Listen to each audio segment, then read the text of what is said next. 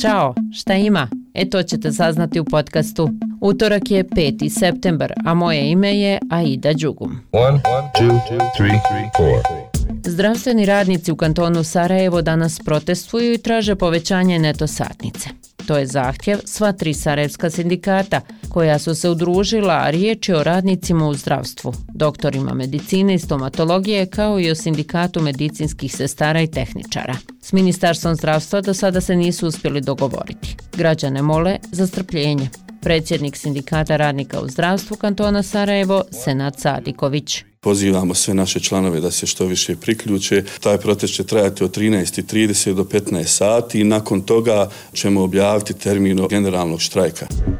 Zdravstveni radnici se pripremaju i za generalni štrajk u Sarajevskom kantonu u kojem bi učestvovali zaposlenici 17 javnih zdravstvenih ustanova. Sindikalisti navode da je najniža neto satnica 2 marke i 76 peninga, a oni traže 3 marke i 28 a ako krenu generalni štrajk, njihov zahtjev će biti 3 marke i 40.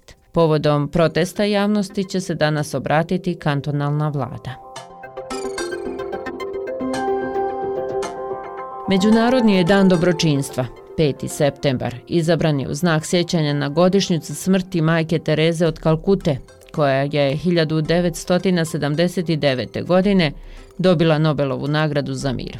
Ona je okupila oko 2000 redovnica raznih nacionalnosti koje su se posvetile siromašnim i bolesnim u Indiji i na svim kontinentima. E dobročinstvom se mogu ublažiti najgore posljedice humanitarnih kriza, dopuniti javne usluge u zdravstvu, obrazovanju, stanovanju i dječjoj zaštiti. A to u BiH radi udruženje Pomozi.ba. Maja Arslanagić za podcast Šta ima kaže da Pomozi.ba rade mnogo toga za ljude u potrebi. Posljednjih e, nekoliko godina smo se fokusirali pored pomoći socijalno ugroženim osobama kako gotovim obrocima, tako i pomoć oboljelim ljudima. Sve veći broj oboljelih se nama javlja za pomoć jer ne mogu da financiraju sami liječenje kojim je potrebno, da li u našoj zemlji ili van naše zemlje. Sa druge strane, tu je ekipa koja radi upravo na pomoći socijalno ugroženim ljudima. Kao što sam rekla, imamo naše kuhinje, odnosno restorane Dobre volje u Sarajevu, Travniku i Bihaću, gdje se svaki dan spremi oko hiljadu gotovih obruka za one koji ga ne mogu priuštiti. Također smo evo prije nekoliko dana otvorili u Sarajevu i javno kupatilo koje će moći koristiti e, prije svega naši korisnici, a evo nakon ove testne faze također i svi oni kojima je potrebna ova vrsta usluge, odnosno svi oni e, koji možda kući nemaju vodu, nemaju struju ili ne mogu da priušte da upale bojler, da upale veš mašinu, jer im je to jednostavno preskupo, dakle to mogu uraditi upravo u našem javnom kupatu. Maja iz udruženja Pomozi.ba dodaje da BH društvo bilježi porast broja osoba kojima je pomoć potrebna, ali i da još uvijek ima dobročinitelja. Imamo definitivno veliki broj ljudi kojima je pomoć potrebna. Dakle, u, u posljednje dvije godine možemo reći i da je zabilježen porast broja socijalno ugroženih i oboljelih ljudi koji sami ne mogu financirati liječenja, koji evo konkretno od udruženja pomozi ba traže pomoć.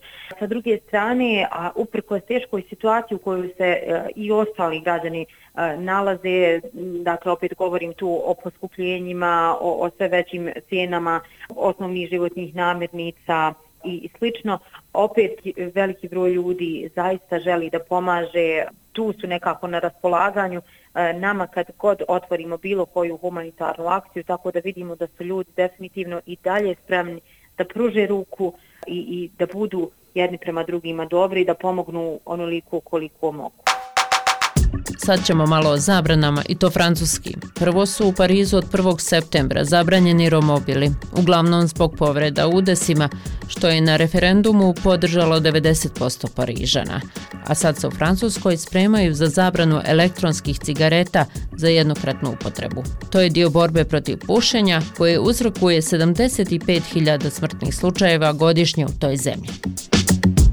Ni u svijetu nije ništa bolje, ali šta da vam kažem, osim pamet u glavu i slušalice na uši i slušajte nas i sutra. Ćao!